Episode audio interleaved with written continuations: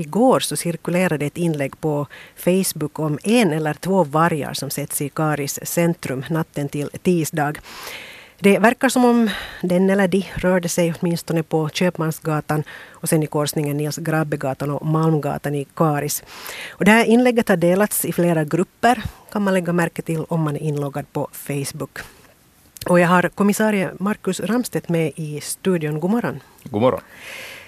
Ja, vad, den här händelsen har ju då anmälts till polisen, att det är en eller två vargar i Karis centrum. Så vad, vad vet ni i det här skedet nu om det här?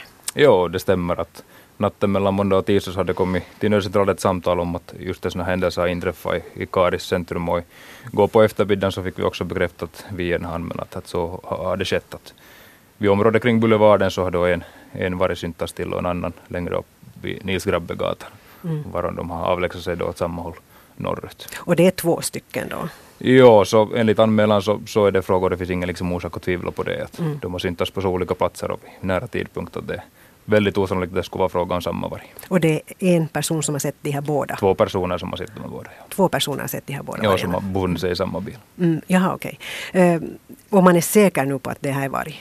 Det finns på det sättet ingen orsak att tvivla det som, som vad heter det, det här anmälan har titt, sitt på plats och, och de bilder som har tagits där på plats. Men att en hundraprocentig bekräftelse har vi ju inte fått. Men att mm. det finns på det sättet ingen orsak att tvivla på att det är varg det är fråga om.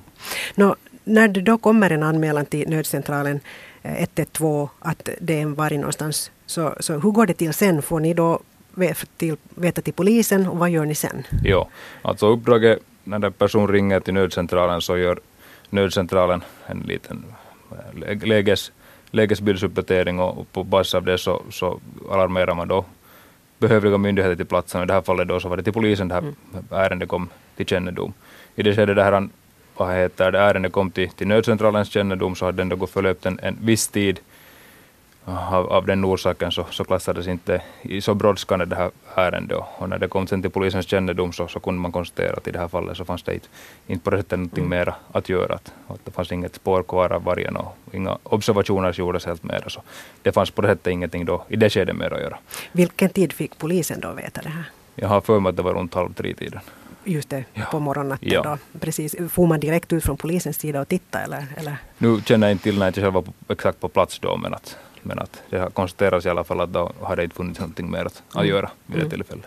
No, vad, vad, gör polisen när den då får en, en anmälan? Alltså åker man runt och tittar, stiger man ut ur bilen och tittar eller, eller hur gör Varje man? specifikt fall så beror det helt på, på läge, vad situationen är. Är det så att, att anmälan kommer snabbt in så har vi helt andra möjligheter att, att göra, göra våra åtgärder. Men det är att göra en, en helhetsbedömning att vad finns det att göra, hur farlig är den här situationen till exempel om vi nu pratar om vargar på ett sånt, sånt läge som de nu befann sig nära skolor där, vad heter det, i Karis. Nu var det nattetid mer akut skulle det vara om det skulle vara dagstid. Men mm. förstås, man kan inte utesluta att, att, om det är en varg som rör sig på tätort, att om den påträffar en, en, en människa, att det inte skulle hända någonting. Så nu är det på det sättet allvarlig, allvarlig situation om det är så att polisen får direkt veta.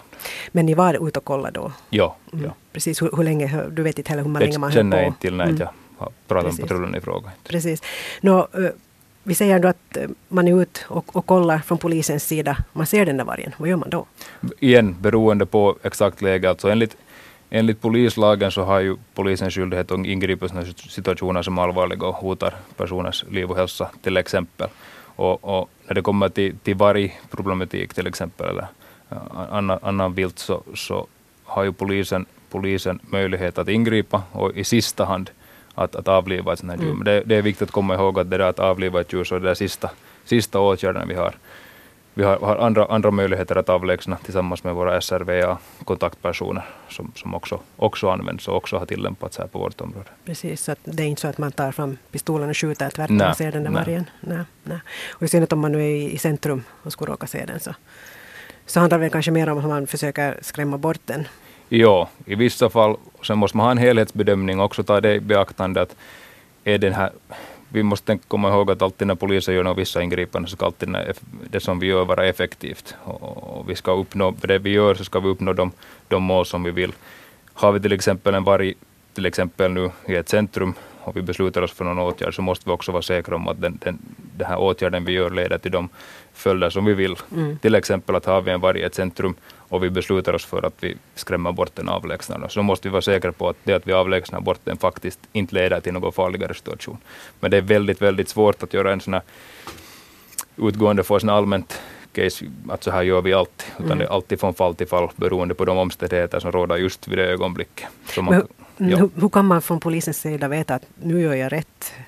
100 procent kan man säkert aldrig göra, mm. men man gör sådana här olika, olika alternativ och väger dem mot varandra. Och sen måste man på basis av det bara göra det som, som, som som anses bäst och kunna motivera det efteråt. Mm. 100% säkerhet har vi inte för kristallkulan uppfinns så, så, så, kan vi inte veta men man måste göra det som i situationen är bäst, men man måste överväga de alternativen och kunna motivera efteråt varför man har gjort ett visst beslut. Jag måste fråga då, att har ni på något vis fått eh, utbildning om vargen, hur den beter sig eller något sånt här så att ni vet vad ni kan fatta för beslut? I, inte något mer specifikt. Det här besluten görs ju, görs ju på, på vad heter det, av, av sista hand av den som leder operativa verksamheter. Mm. De har en viss kännedom om, om, om saken. Men inte desto mer. Men att är det den som gör beslut om att det här vargen kan inte släppas av ett visst område för att den har ansett, ansetts som farlig, så, så polisen är utbildad på det sättet att de litar på det och, och kan sen kontrollera situationen och göra mm. vissa möjliga ingripanden. Precis. Det är alltså kommissarie Markus Ramstedt vi pratar, om, pratar med nu här från Raseborgspolisen. Och, och jag, jag, förstår att man då också samarbetar med Finlands viltcentral. Hur, hur ser det här samarbetet ut? Jo, så från utgångsläget när det kommer till det här eh, om vi nu säger vargproblematiken och, och när det är frågan om, om vargar då som, som man möjligtvis vi tycker att är farliga och borde åtgärdas så första hand är det viltcentralen enligt jaktlagen som gör beslut om det. Eh, sekundärt är det sen polisen som kan i akuta fall skrida till åtgärder mm. och, och, få befogenheter för att ingripa i det här. Så, så också i det här fallet så, så ska vi samarbeta och diskutera med viltcentralen vad läget är, att vad kan man göra. Men endast i akuta fall så kan pol ha polisen så kallad befogenhetsstorm att själv ingripa Precis. på basis av polislagen. Att I första hand är det, är det jaktlagen och, och viltcentralen som tar beslut ja. att ge sådana undantagslov. Och det som man som vanlig medborgare ska göra så är att ringa nödcentralen 112? Ja, det, det, det är på det sättet viktigt i alla fall i sådana nu är det en sak att simma dem på landsbygden på en åker, så kanske inte då, utan då enligt vanligt kutym till de egna kontaktpersonerna som, som sen för det här vidare till, till, till rätt instans. Men i akuta situationer, till exempel att på dagstid befinner sig på, på, på bebyggelse, på gårdar eller i centrum mm. och också i centrum på nattetid.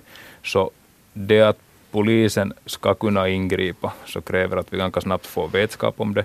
Vargen rör sig snabbt och och när vi skrider till åtgärder så är det så, så viktigt om vi vill åtgärda ett, ett problem. Vi har en varg som till exempel då beter sig på ett sätt som, som helt klart visar att den är inte skygg för människor.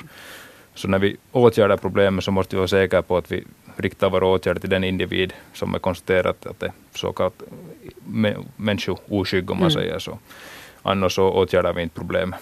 Och för att göra det så måste vi komma snabbt på plats och kunna ingripa. Mm. Om du skulle då vara en av de som är snabbt på plats och ser den här vargen, hur skulle det kännas?